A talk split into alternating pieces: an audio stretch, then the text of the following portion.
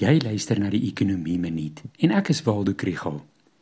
Hierdie week se belangrike aanwyser is die Desember maand se verbruikersprysindeks en die inflasiekoers. Ekonome voorspel dat rentekoerse hierdie jaar tussen 3 en 5 keer met 'n kwart persentasiepunt verhoog gaan word om inflasie te beveg. Daar is 'n paar dinge om te verduidelik. Dit gaan hier oor inflasie in Suid-Afrika wat na verwagting 5,7% gehaal het in Desember.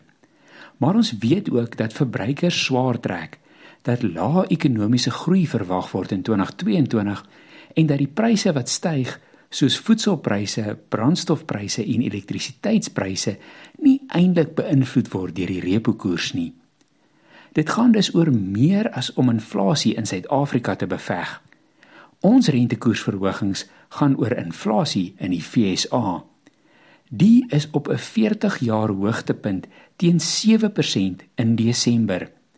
Die verwagting is dat die Federale Reservebank van Maart af gaan begin om rentekoerse te verhoog.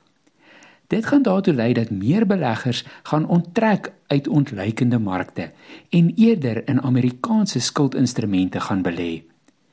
Dit gaan daartoe lei dat die rand verswak en alles wat ons invoer duurder kos. Om hierdie impak daarf te verminder, moet ons rentekoerse verhoog soos wat hulle rentekoerse verhoog.